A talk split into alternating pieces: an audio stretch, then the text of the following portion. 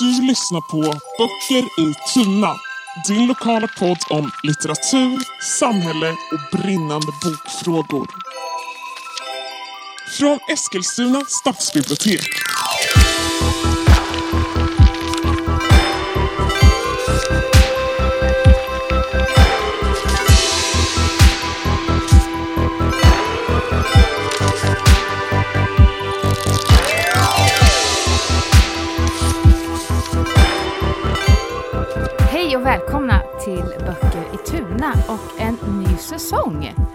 Väldigt trevligt eh, tycker jag.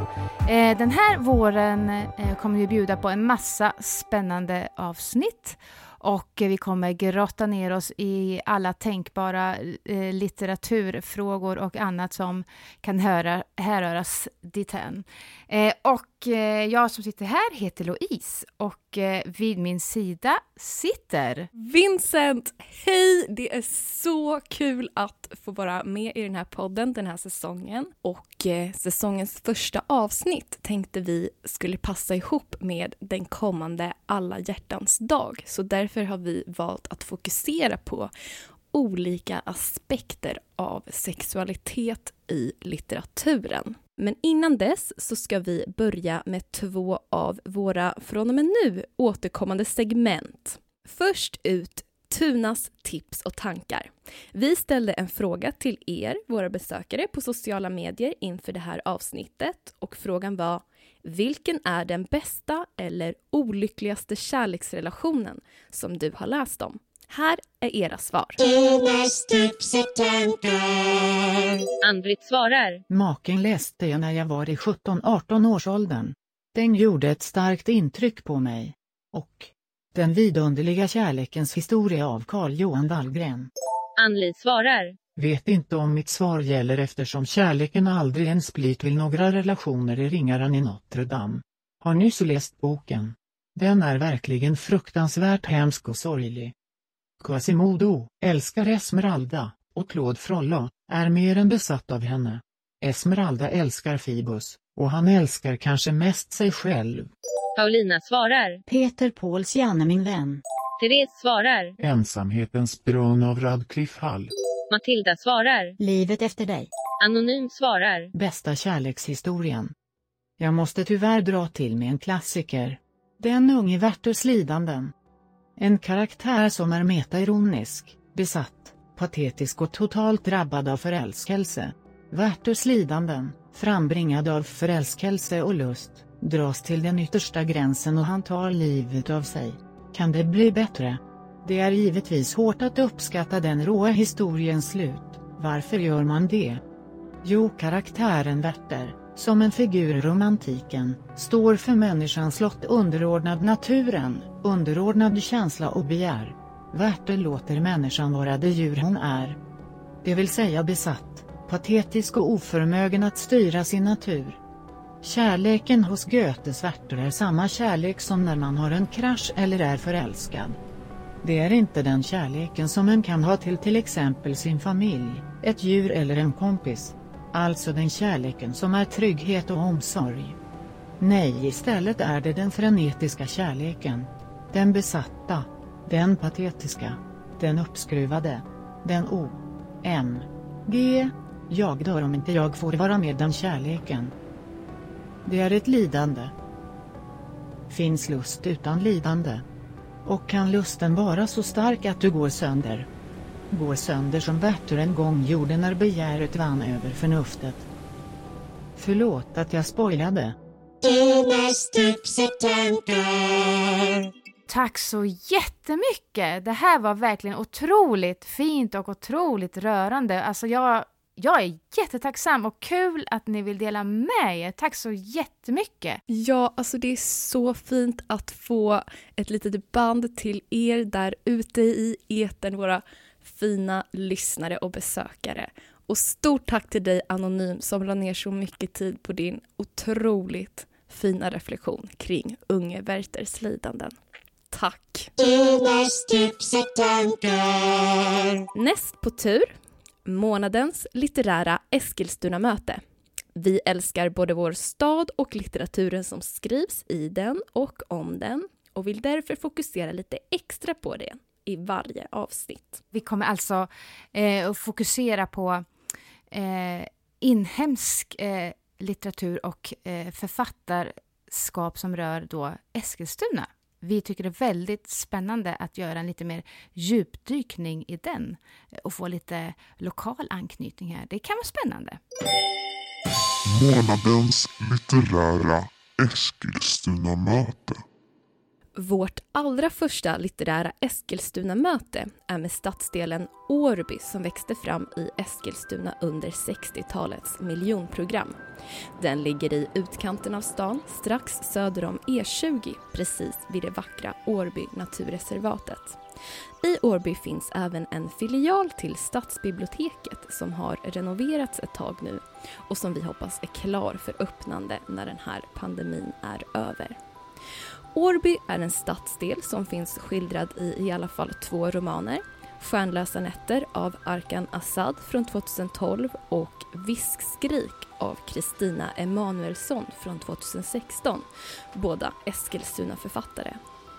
I Stjärnlösa nätter är visserligen Årby bara en inspiration för fonden för berättelsen om att stå emot familjens krav på vem man ska leva sitt liv med. Men i Viskskrik slår huvudpersonens pappa in sina grogglas i Eskilstuna-Kuriren, går till Årbyskolan under gångtunneln som gör så att man slipper korsa den stora vägen och dinglar med benen på postrampen intill. Vi får läsa om hur hon vill lämna området men ändå stanna kvar. Hon som inte ens har en balkong och kritiskt granskar den torftiga 60-talsplaneringen och försöken till upprustning men ändå ser kullarna bortom vägen från sitt fönster. Läs och låna de här böckerna jättegärna. Okej, nu till dagens tema. Alla hjärtans snack om sex i litteraturen. Vart börjar vi, Louise? Ja, eh, jag tycker kanske att vi ska börja här nu med det finns ju ett antal böcker i litteraturen som i närmast har blivit, ja, till och med faktiskt bannlysta på grund utav dess eh, sexuella innehåll. Blivit föremål för olika typer av debatter och eh, till och med rättegångar och ja, men allt sånt. Jag kastar mig in i djungeln här. Kör på! Eh, en bok som eh, jag tror att de kanske allra flesta känner till är ju Lady Chatterleys älskare. Mm. Eller Lady Chatterleys lover, som den heter på engelska. Av eh, D.H. Lawrence. Det är ju en bok som har blivit föremål för väldigt mycket debatt och diskussion kring just det sexuella innehållet då. Och det var till och med så att den utgavs första gången i smyg, tror jag, eh, i Florens eh, 1928. Under många år så fick den bara publiceras i censurerat skick. Då. Till exempel i Storbritannien så utkom den första gången 1960. Och där har den faktiskt genomgått en rättegång också, eh, till och med. Så att eh, det var hårda bud där. Och i Sverige så kom den ut första gången 1941 då, i en översättning av Ingemar Forsström. Den har verkligen varit eh, en bok som inte har tillåtits vara på den öppna marknaden och vidare. Men den handlar i, i alla fall om... Har du läst den förresten? Nej, alltså jag har inte läst den. Det här är jätteintressant för mig. Vad är det här för rättegång? Jag vill veta mer. Men ja, berätta. Ja. Eh, det här, eh, den här boken handlar då om den här unga kvinnan Lady Constance Chatterley. Eh, och hon är då från den så kallade intellektuella borgarklassen. Mm. Eh, och hennes uppfostran har varit att eh, ja, bejaka sig själv och eh, sina önskemål. Eh, hon gifter sig i alla fall sedermera med den här den som beskrivs som en st stilig aristokrat, Sir Clifford Chatterley. Eh, men strax efter då att de har gift sig så eh, hamnar han i en olycka i världskriget eh, och blir förlamad från eh, midjan och neråt. Mm -hmm. så hon inleder då en relation med slottets också gifte skogsvaktare Oliver Mellors. Mellors, tror jag man säger. Mellors. Ja. Och den här romansen leder också till att hon blir gravid och de blir dessutom upptäckta och naturligtvis en påkommande eh, skandal efter det i alla fall. Och då tvingas de leva åtskilda. Eh, men man skulle kunna säga att boken ändå ger ett visst hopp om att de kanske får återse varandra igen. Mhm. Men det som är eh, det mest explicita med den här romanen är då hennes, alltså Lady Chatterleys behov av ett sexualliv eh, och att eh, bejaka sina egna lustar och liksom bli erövrad. Alltså, det här sexuella behovet är större än den här intellektuella stimulansen som man skulle kunna tänka sig eh, råder i den här klassen, alltså den här borga, intellektuella borgarklassen som hon tillhör. Eh, utan här är det då hennes egna lustar som står i fokus. Eh, och den här skogsvaktaren, alltså hon låter sig liksom eh, bli, eh, ja, vad ska man säga, tagen av honom helt enkelt efter hans uppfostrade sexuella maktbegär och utagerande livshållning så att säga. Så att det blir liksom både en utåtagerande rent sexuellt sett för en kvinnas sexualitet, Mhm eh, hennes frigjordhet och hennes eh, önskan och begär samtidigt som det också skildras den här klasskildringen. Eh, eh, jag kan anta att det inte var populärt att eh, man inte höll sig inom sin klass som det var då. Så att eh, de här två för, har varit föremål för stor debatt kring den här boken. Det låter extremt intressant. Alltså att det här var anledningen till bandlysningen alltså. Men när sa du att den kom ut? Den kom ut första gången 1928 eh, i smyg i Florens. Just det. Mhm, mhm. Eh, och den har ju liksom blivit då de här erotiska skildran, skildringarna över klassgränser och eh, eh, det förhållandevis råa språket. Mm. Eh, det här engelska ordet eh, på fyra bokstäver som har gjort att romanen faktiskt har blivit förbjuden då i, i flera länder. Mhm. Och eh, som sagt genomgått en del censur. Eh, men den är ju oerhört eh, populär, eller blev i alla fall populär. Och det har ju gjorts, gjorts både eh, film och anta, ett antal utgåvor och fortsättningar efter den här då. Så att den har faktiskt varit eh, väldigt populär. Och jag har vunnit den här, den här lilla rättegången, vad ska man säga, eh, obscenitets... med ja, det här i fokus. Så. Mhm. Eh, och ehm, efter att den vann det så sålde den ju väldigt snabbt i mer än tre miljoner exemplar. Det kan jag tänka mig att det var bra reklam för boken. Läs inte den här boken. Okej, jag vill läsa den. Ja. Mm. Så som sagt var, det är ju en riktig eh, banbrytare inom den här genren som vi pratar om Mm. just nu. Mm. Ja, jag tänkte ju också fortsätta med en annan bok som har lite samma tema när det gäller den sexuella frigörelsen hos kvinnor, eh, som ofta blir eh, omdebatterat. Eh, och den här boken som jag ska prata om nu heter Pennskaftet och är skriven av Elin Wägner. Och eh, den utkom då 1910.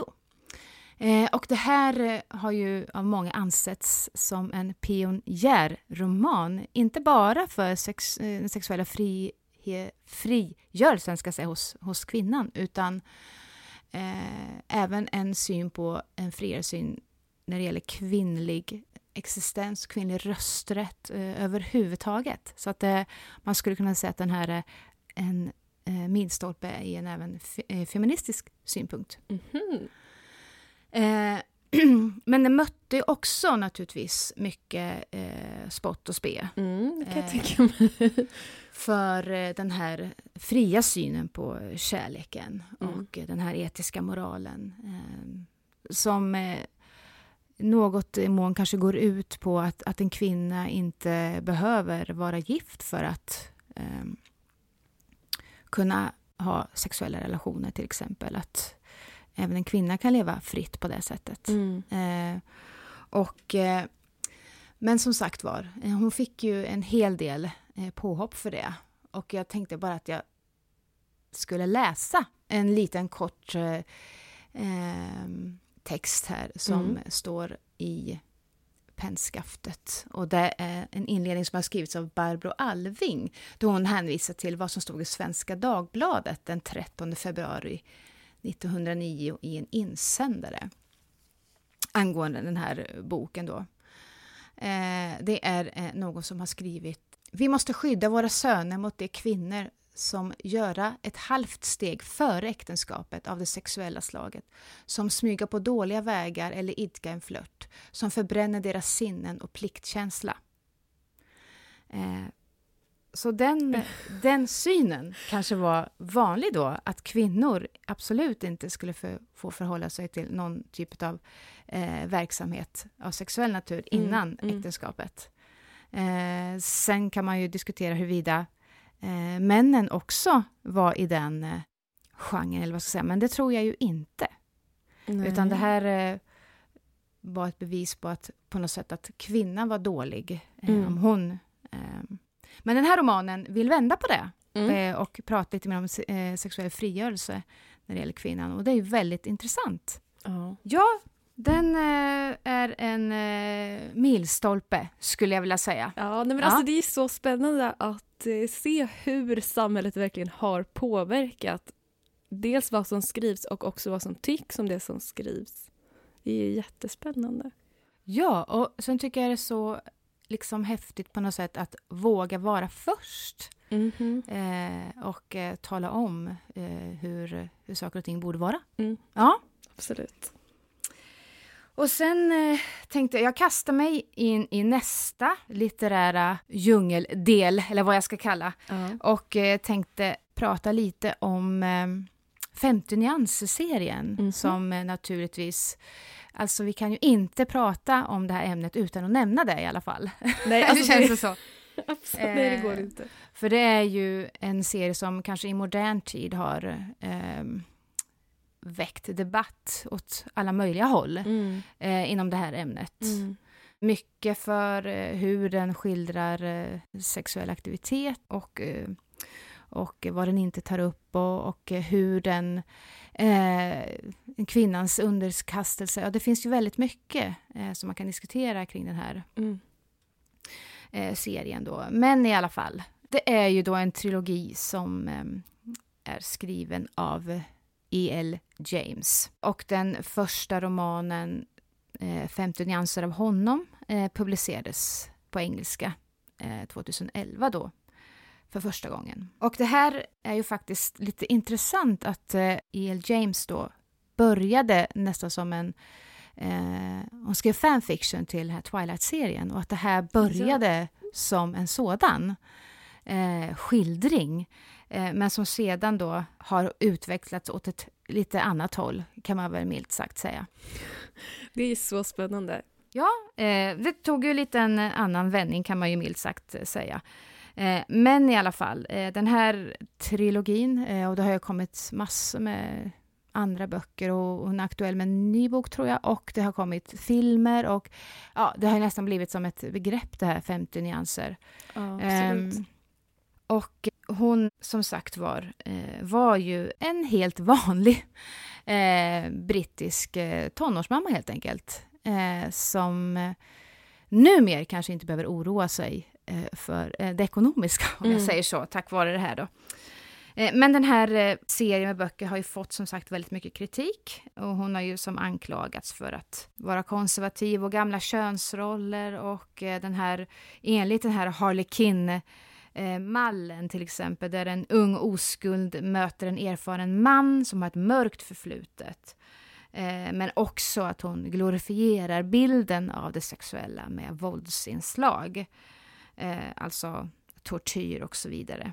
Men själv så tycker författaren eh, att det här är ju väldigt eh, konstigt att få kritik för det här. För att hon menar på att de här karaktärerna i böckerna, de är vuxna människor och eh, de är eh, fullt medvetna om vad de gör för någonting. Och det här utgår ifrån författarens Ja, det är hennes fantasier liksom. Eh, så att eh, de är högst eh, egna, eh, så att säga. För hon, hon menar att hon har skrivit de här böckerna för sig själv. Eh, så att, eh, ja. Eh, det är därför den kanske utelämnar vissa element och eh, ja, innehar andra element i, i och med att det är hennes egen personliga fantasier då. Och menar på att eh, den här kritiken eh, demoniserar de här människor som har valt att leva på det här sättet. Eh, och det kan hon inte hålla med om. Naturligtvis. Ja. eh, ja, men det, det, är ju en, eh, som sagt, en, en serie böcker som har gett upphov till eh, en stor debatt just inom det här ämnet då. Och eh, särskilt kanske kring den här underkastelsen och våldsinslagen. Mm. Um, jag vet inte, har du, har du läst? Alltså jag har faktiskt inte läst, det känns väldigt eh, tråkigt och konstigt kanske, men jag har inte läst det.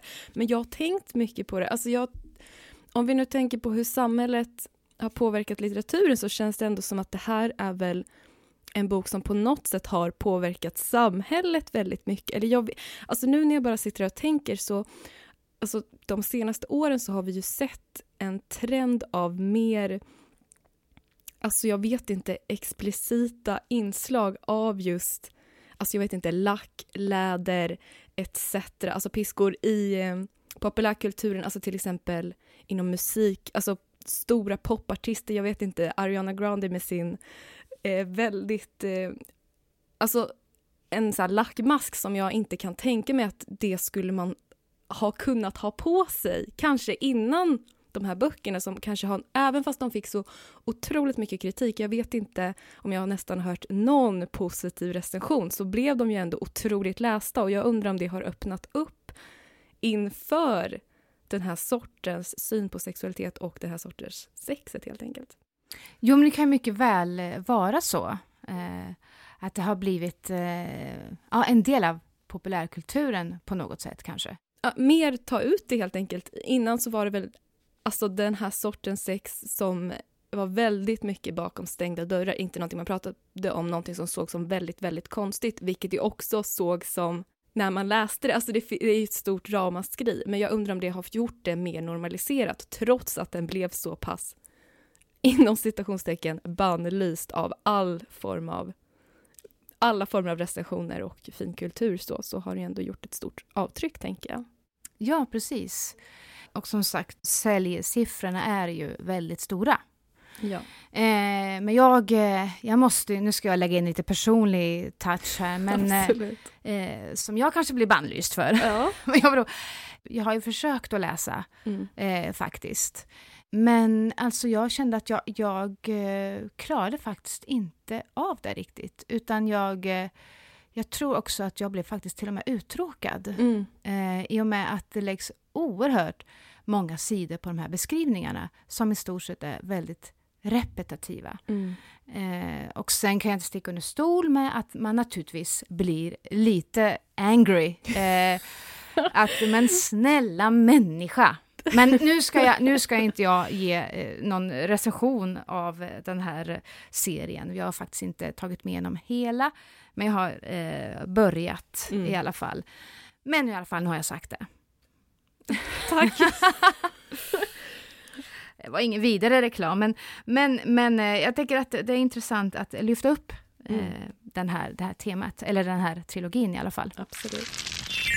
Eh, jag tänkte att steget eh, från den här eh, 50 nyanser kanske skulle kunna härröra till min nästa bok eh, som eh, är, eh, ja, bannlyst kan man väl minst sagt säga. Den är ju inte bannlyst nu, den går ju att få tag i så sätt.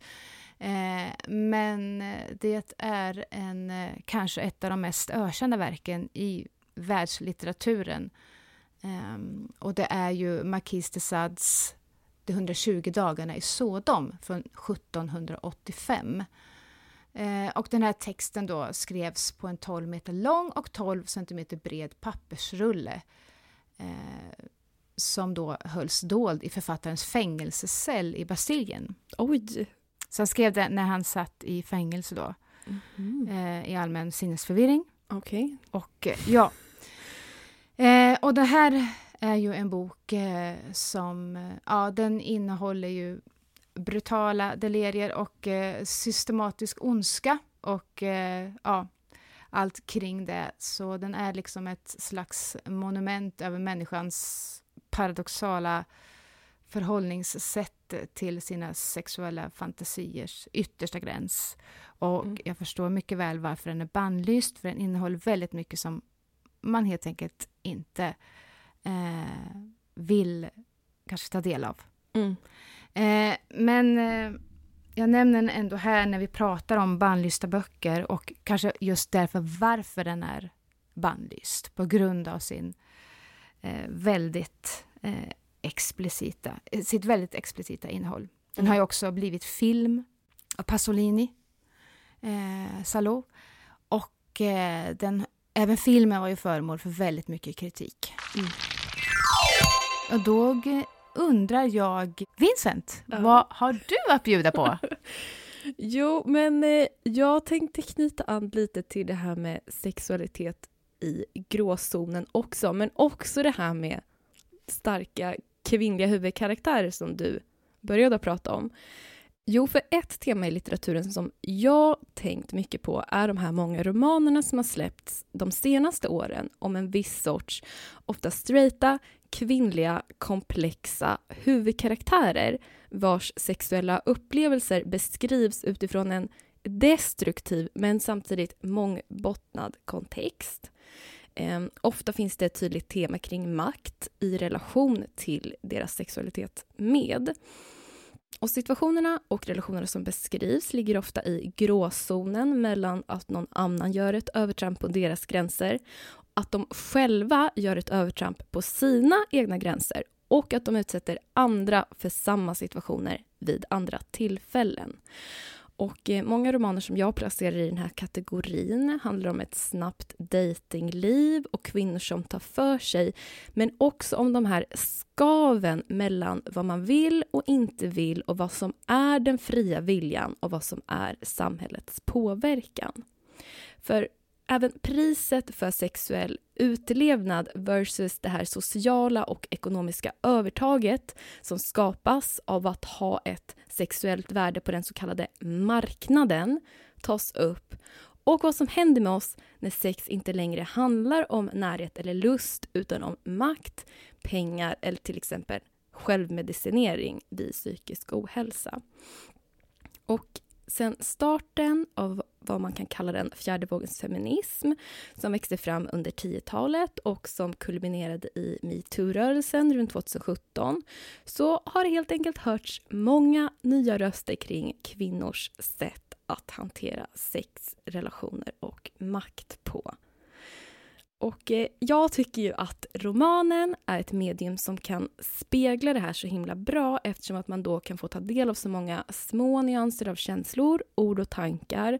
Och det är de här nyanserna i gråzonen som kan vara avgörande för hur man beskriver en situation efteråt. Och också den här närheten som läsaren kan känna till scenerna när man verkligen får vara i huvudkaraktärens huvud. Så några av mina favoritböcker 2020 jag skulle vilja prova att kategorisera ihop dem helt enkelt, trots att de är väldigt olika rent stämnings och stilmässigt. Jo, men den första boken jag tänkte ta upp är en av mina favoriter. Det är Dagarna, dagarna, dagarna av Tone Funnesson som kom 2020. Och den handlar om Bibs, en ljugande och destruktiv 39-årig influencer på fall. Alltså hon är en ganska hänsynslös och osympatisk huvudperson, vilket etableras redan i första kapitlet och hon är inte någon man nödvändigtvis tycker om. Men hon är liksom på något sätt väldigt mänsklig, eller kanske hon representerar kanske de dåligaste sidorna som man kan ha. Alltså, på något sätt framställs hon på ett väldigt ärligt sätt. Hon är nästan helt pank, men hennes kille dumpar henne och tänker behålla deras gemensamma lägenhet så drar hon till med att hon ska fixa 100 000 kronor på en vecka för att kunna bo kvar. Och det är liksom det som är synopsisen för boken. Och den här eh, boken tar upp myten om övergreppet som lögn på ett intressant vis och tar upp icke-normativa begär på ett ovanligt exponerat sätt och beskriver kvinnlig lust på ett sätt som jag faktiskt inte har sett innan. Eh, för Sjunnesson skriver väldigt osentimentalt och oromantiskt om huvudpersonens tankar kring sex och eh, både hennes egna övertramp på andras gränser och deras övertramp på hennes de liksom framställs helt utan omskrivningar. Och huvudtemat för boken är pengar och vad som kan och inte kan köpas för pengar. Och där kommer även den sexuella valutan och vad sex kan kosta en själv och andra. Det tas upp. Jag tänkte bara berätta om en liten passage i boken. Vid ett tillfälle så träffar då huvudkaraktären Bibs en ensam man på en bar som hon själv approachar och eh, de går hem till honom för att ha sex. Och väl där så tjatar hon på honom att betala henne för detta. Och hon behöver ju pengar helt enkelt. Eh, och han går till slut med på det om de båda kommer överens om att det är en transaktion som är fristående från sexet, att han helt enkelt bara ger henne de pengarna som hon behöver efter att de har legat med varandra. Så då blir det väldigt en, en intressant balans där.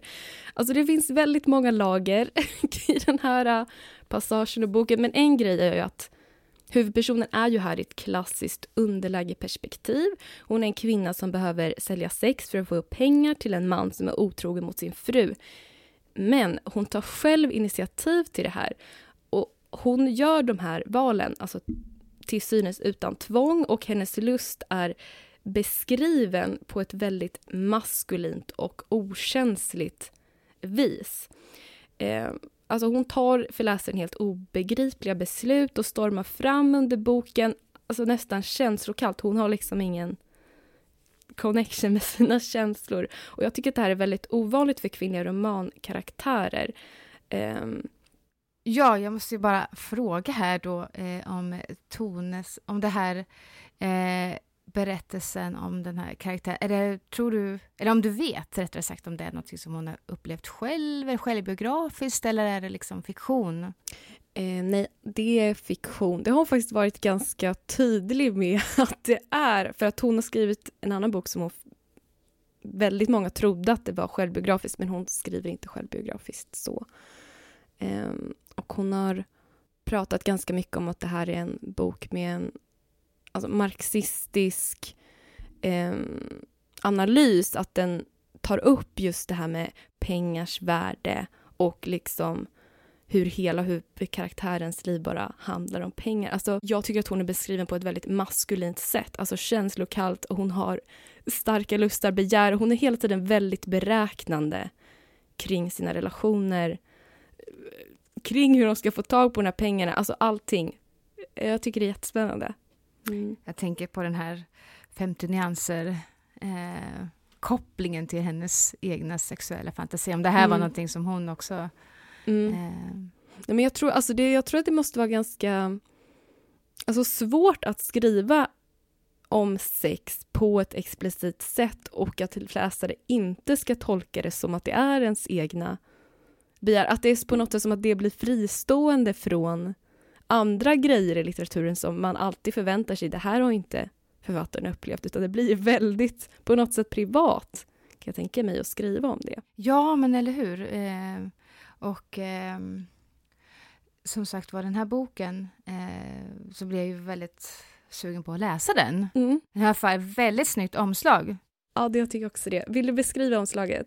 ja, det har ju alltså ett typsnitt som är eh, neonrosa är mm. författarens namn och sen är det ju en telefonlur, en gammal old school telefonlur. Mm. Eh, och sen är det också ett annat typsnitt här som är eh, grönt och rosa. Eh, och den här, den får verkligen tankarna till 80-talets eh, synthwave-musik och eh, Miami Vice-stuk. Eh, lite rymd nästan. Alltså, ja, undrar om det har om författaren är ju, eller vad säger jag, huvudpersonen är 39 eh, år. Ja. Så att, eh, det, det, kan ju kanske stämma där mm. lite grann. Ja, mm, mm, mm. ja men jag, det jag tycker också är ett sjukt snyggt omslag. Ja, men ska vi gå vidare till eh, nästa bok som också behandlar det här ämnet? Yes! Um, Spännande det här, ja, du. jag tycker också det. Okej, um, det är kul att man får prata om böcker som man verkligen gillar. Ja. för en annan bok som släpptes förra året är Männen i mitt liv av Sofia Rönnow Pessa.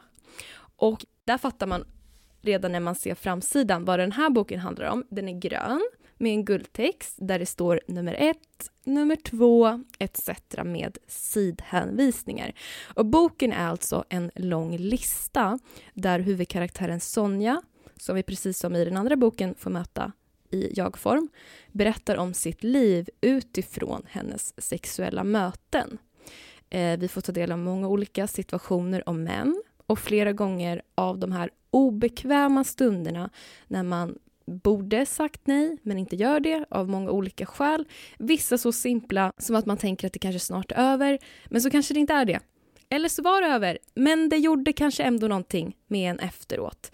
Och eh, alla möten genomsyras av Sonjas besatthet av att vara bekräftad, älskad och åtrådd. Och hon söker nästan maniskt efter någon som kan stilla hennes ensamhet genom hela romanen och lyckas i perioder. Och i hela boken finns temat kring makt och maktöverlämning med och vad en sexuell attraktionskraft gör med en människas maktposition. Så också i den här boken blir den här sexuella attraktionskraften också en social valuta som hon ibland känner att hon saknar och som hon ibland använder sig av väldigt mycket. Um, och i en passage så vet hon till exempel att hon inte vill ha en specifik man men ändå så stressar det henne otroligt mycket att han inte heller vill vara med henne. Hon trampar liksom på sig själv och sina egna begär för att få honom att bekräfta hennes existens. Alltså huvudtemat i boken är ju de här sexuella mötena och den tar upp väldigt många olika aspekter av vad man går igenom under ett liv. Liksom. Och eh, hon utsätter män för tjatsex, hon blir själv utsatt för det och maktobalansen den snurras till och vrids och vänds på, på ett intressant vis. Och hela tiden så befinner vi oss i gråzonen av kvinnlig frigörelse där hon älskar att bli kallad öppensinnad och en kvinna som tar för sig samtidigt som hon både självskadar och lindrar sin ångest med sex. Så författaren utforskar liksom den här väldigt tunna linjen mellan vad som är ens egna begär och vad som är någon annans. Det som liksom projiceras på en för att man vill vara till lags. Eh, ja, jag läste den här boken i ett streck och tyckte att den var jätteintressant. Ja, jag tycker att det jag håller med. Eh, hur, eh, nu ska inte jag fråga för mycket då, för vi ska inte ha någon spoiler här, men eh, den här resan, kan man kalla det, som huvudpersonen mm. gör, mm. Eh, har den liksom något eh, Ja, nu ska jag inte ha någon spoiler, sa jag precis. Fråga precis om det är nu. Men i alla fall, alltså, eh, blir det någon slags resolution, att hon kommer till eh, liksom sans med allt det här? Eller kan hon komma i någon balans? Eller mm. hon... Alltså, jag skulle typ kanske inte säga det. Alltså det beror på hur man tolkar det. Och jag tror att lite av den kritiken jag läst med boken är väl kanske det. Men på något sätt så ser inte jag den här romanen som en text som man ska läsa som en klassisk berättelse med liksom en tydlig eh, händelselinje. Utan det är väl mer som bara kanske en betraktelse av alltså det här som inte funkar kanske. Men, men grejen att det som vi får är ju, vi får ju stunderna när det funkar. Och jag tycker ändå att vi lämnas ja, jag vill inte heller spoila, men vi lämnas ändå med en förändring i hennes, i hennes syn på... Alltså vi lämnas med ett, ett frö till förändring. Men det, ja, det är jättespännande tycker jag. Det var ett väldigt bra avslut. Ja. Tack för den beskrivningen. Det, det var... Ja. Ja. ja, jag tänkte bara snabbt ta upp en sista, en sista ja, jättegärna. bok. Eller, ja, det, det är den här Jana Kippo-trilogin som har varit superpopulär. Jag får ner till Bror från 2018 och Vi får upp med Mor från 2019 och Sen får jag hem som kom ut 2020. Och det är ju fortfarande en liten reservationskö på alla de här böckerna så jag vill inte heller spoila någonting. Men jag vill ändå ta upp den här serien som en del av de här porträtten av väldigt komplexa sexuella relationer med en drivande kvinnlig huvudkaraktär. Och i första bokens början så träffar huvudpersonen Jana Kippo en äldre man som hon både åtrår väldigt starkt och redan på en gång försöker bryta sig fri ifrån. Hon vill inte längre dras till likadana män som traumatiserat henne under livet men ändå så söker hon sig till dem och har svårt att säga nej. Och eh, vid flera tillfällen så bestämmer hon sig för att sluta men hon kan helt enkelt inte. Och vi får ta del av en väldigt destruktiv relation där sex blir som en bekräftelse på ens värde i livet, ett sätt att trycka ner sig själv på, men också om åtrå och bekräftelsesökande som en stark drivkraft till varför vi handlar som vi gör i vissa situationer. Ja, alltså jag tycker att det är jätteintressant att läsa om det här temat eftersom det går ju att skriva om på ett så utvecklat sätt. I ingen av de här tre romanerna så finns det tydliga rätt och fel men alla lager blir tydliga för läsaren eftersom de målats fram på ett så realistiskt och nära sätt. Eh, sexualitet är ju verkligen komplext och gränserna kan ju vara suddigare än man tror. Men jag hoppas att fler får upp ögonen för sina egna relationer, hanteringsmönster och hur vi ser på andra och oss själva genom att läsa de här böckerna. Alltså för mig har det ändå öppnat upp mycket inne i mig, alltså att läsa om de här, alltså de här suddiga linjerna, för det är så mycket som är så i livet. Det är ofta inte på ett sätt bara, utan man kan ju tolka på olika... allt, alla har, allt har så mycket lager helt enkelt. Absolut, och det är väl, det är väl jättespännande och särskilt allt eh, litteratur och ja, men, konst också liksom i övrigt kan eh, ha de här eh, gränsöverskridande mm. eh, framställningarna. Ja. ja, men verkligen.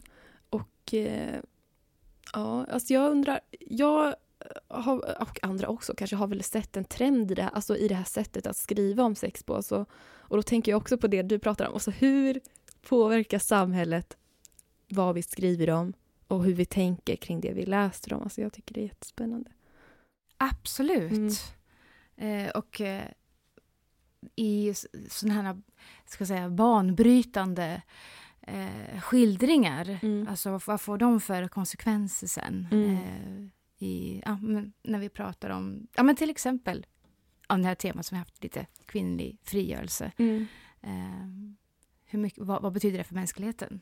Mm. Jättespännande. Ja. Det kan vi diskutera.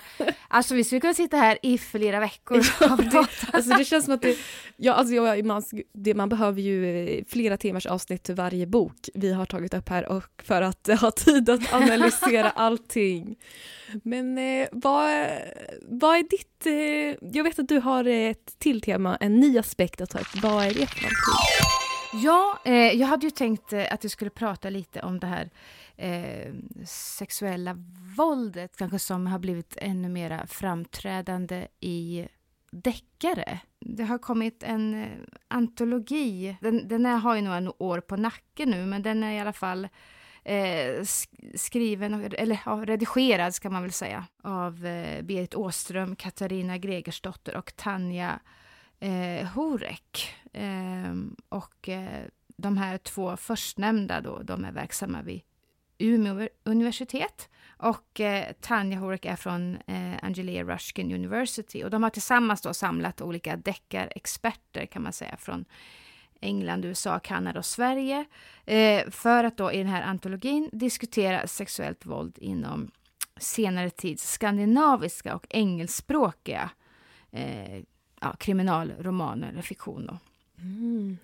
Eh, och det här syftet eh, var att undersöka eh, liksom på vilket sätt de här våldsskildringarna används inom kriminalfiktion eh, för att framföra samhällskritik, det som har varit inne på. Mm, mm, mm. Eh, och, eh, men också att utforska relaterade frågor då angående offerskap och olika former av makt, ska man säga. Och då har de utgått ifrån den här Stig Larssons millenniumtrilogi och där då eh, Lisbeth Salander-gestalten är då ett av de mest omtalade våldtäktsoffren inom deckargenrens domäner, skriver de här. Då. Mm.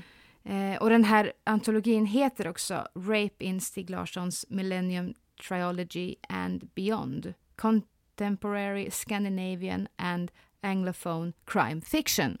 Och det här är ju då eh, en, en slags eh, hur de framställer den här Lisbeth Salander då som eh, är en karaktär där, som förenar våldsutövning, sårbarhet, hämnd, eh, offerskap eh, som både eh, liksom kan fascinera och provocera.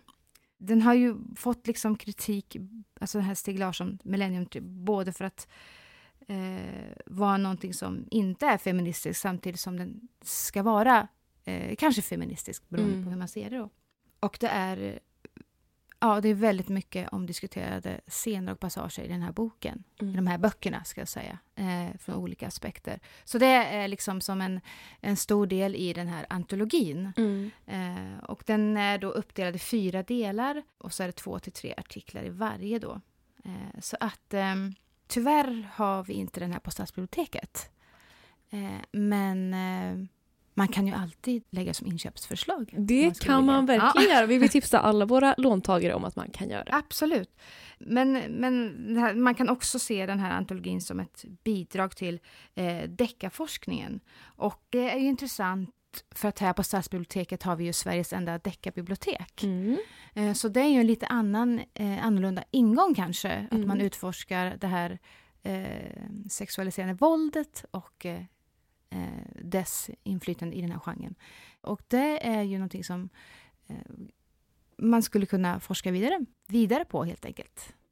Gud vad spännande. Alltså jag tycker att det är ett väldigt intressant ämne, alltså eftersom att ja, men deckargenren och thrillers och eh, true crime, ja men genrerna är så himla, himla, himla populära. Och att det innehåller ju väldigt mycket alltså våld mot kvinnor. Och liksom vad gör det med oss? Hur framställs det? För vem? För vem framställs det? Och varför är det så spännande att läsa om? Eftersom det är så populärt. Jag tycker det är jätteintressant. Ja, eh, och eh, det kan ju nästan vara den ja, mest vanliga förekommande. Alltså eh, deckarens olika eh, genre, om man säger, just nu. Alltså mm. det är i alla typer av media nästan att det genomsyrar... Ja, det är ju, och som sagt var, som du säger precis, väldigt mycket våld eh, är ju i de här. Mm. Och hur påverkar det oss? Mm. Ja. Det är också spännande att se hur...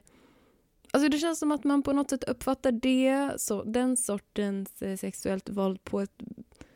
Att det på något sätt är mer okej okay att skriva om än till exempel 50 shades of Grey. Alltså det finns väl många anledningar till det men jag tycker bara det är intressant att eh, på något sätt så något som eh, knyter de två genrerna samman är väl ändå det här sensationalistiska på något sätt kanske. Ja, precis. Mm. Ja.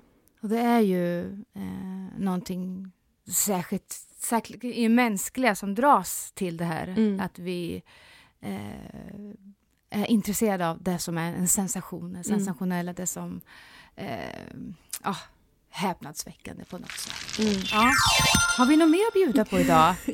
ja, men jag tänkte att vi kanske skulle avsluta med något mer positivt. Alltså, det finns ju mycket hemskheter man kan läsa om, men jag ställde mig frågan, vad finns det för läsningar man kan göra med sexualitet som tema men där den här lusten får representera frigörelse och värme istället.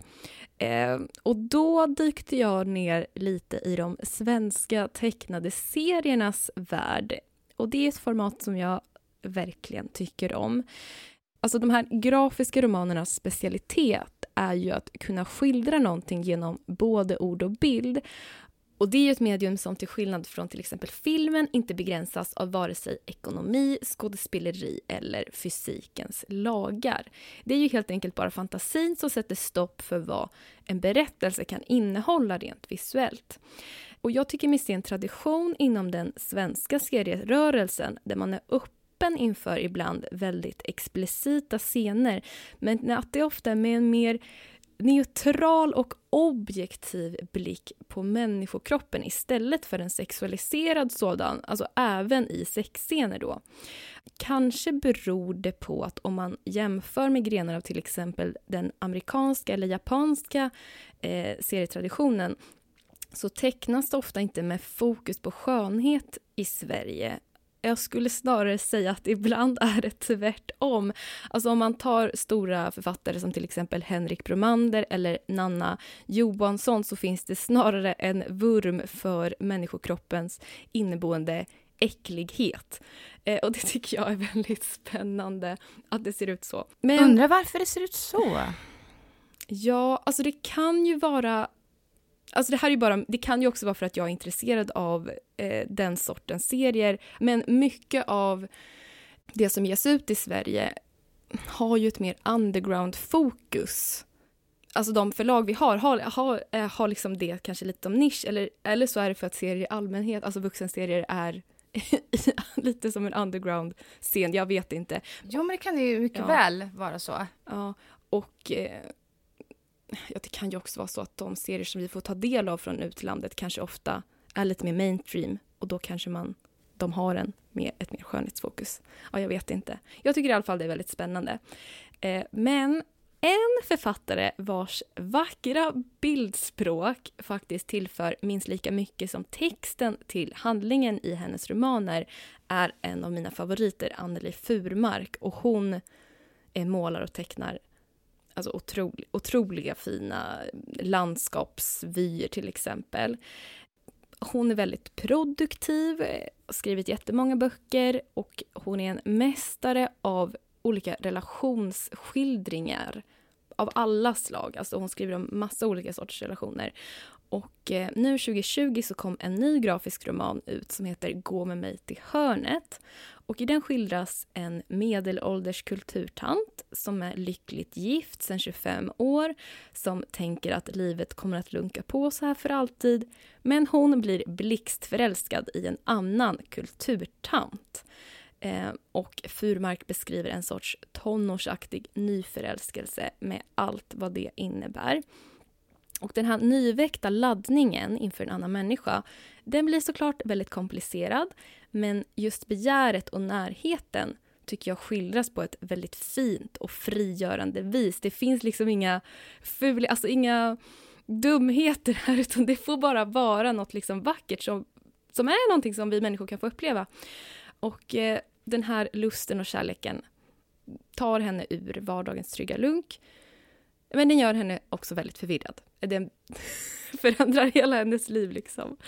Ja, den boken tycker jag är jättefin och rekommenderar jag till alla. Och den har vi här på biblioteket? Den har vi på biblioteket, utlånad Jajamän. just nu, Jajamän. men varsågod att reservera. Ja, men det är ett bra tecken att den är utlånad, absolut. Ja. Um, och sen tänkte jag ta upp en annan då svensk serietecknare som skriver väldigt positivt och lättsamt om sexualitet är Carolina Bong. Hon också tecknar då serier. Och eh, hon tillhör den queerfeministiska serievågen som blomstrade under tidigt 10-tal. Och hennes romaner handlar ofta om olika icke-normativa sätt att leva sitt liv på. Och hennes bok Alternativet från 2013 handlar om olika sätt att förhålla sig till samhällets förväntningar på hur man ska ha sina relationer och vanor och ger oss helt enkelt alternativa tankar kring det här, ofta med en humoristisk och lekfull ton. Hon har också skrivit Cowgirls från 2011 som faktiskt är en samling erotiska serienoveller i ett alternativt vilda västern fullt av queera, lesbiska cowgirls som lever livet och cruisar runt. Eh, vilket jag verkligen tycker är ett exempel på en utopi där sexualiteten får vara helt fri från förväntningar, makt och förtryck. Den handlar helt, alltså det är liksom, det är verkligen en utopi. Det finns inget dåligt alls. Eh, Gud vad skönt. det är väldigt fint. Eh, ja, och sen så tänkte jag bara nämna en avslutande serieroman, Duo, som tar upp sexualitet när den också är som mest okomplicerad. Och det är Sara Bergmark Elfgren och Carl Jonsson i sina nordiska fantasy-serieböcker Vej 1 och 2 som kom ut 2017 och 2019. Och i dem så får vi ta del av en alternativ bild av vår egen nordiska mytologi där vi följer jättedyrkaren Vej som möter människorna och deras asar i en kamp om liv och död. Och det är en otroligt spännande berättelse på många vis i riktigt storslagen fantasy-stil och något som tilltalar mig är att det i romanerna får förekomma lust utan att den är speglad av den manliga blicken vilket är väldigt vanligt förekommande inom just fantasy-genren. Det är, ja, alla som någon gång har, jag vet inte, spelat World of Warcraft eller tittat, alltså jag vet, det finns otroligt mycket. Alltså, Game of Thrones. Game of Thrones, alltså allt är liksom, ja. Det här är ett alternativ till det. alltså det är liksom väldigt vanligt att porträttera sexuellt våld mot kvinnor eller att göra dem översexualiserade för att tillfredsställa en manlig publik. Men istället så skildras här begäret mellan två människor som någonting helande men samtidigt lustfyllt som liksom något som inte behöver generera slitningar eller förhålla sig till gängse normer. Sexualiteten bara är helt enkelt.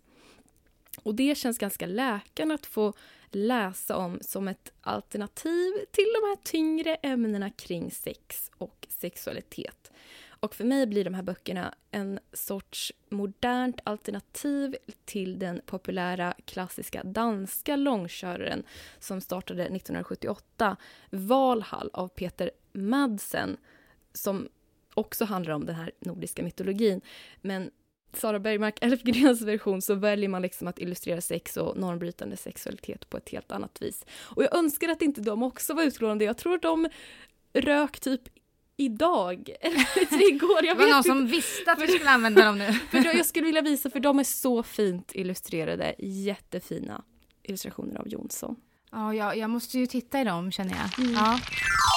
Vad intressant, tack snälla du, vad spännande. Ja, Ja. Jätte, jättemånga tips här nu har vi Ja, och fått. för dig också. Det var väldigt intressant att höra om, speciellt där i början, om de här bannlysta böckerna. Och jag tänkte väl också att vi kan ju säga att vi i det här avsnittet kommer lägga upp länkar till de här katalogposterna för böckerna så man kan gå in på vår webb och reservera dem om man vill och också namnen på böckerna då. Ja, precis. Eh, och nu har vi ju, vi har, det känns som att vi har pratat väldigt mycket eh, förtryck och våld och så, Mhm. eh, nu när alla hjärtans dag.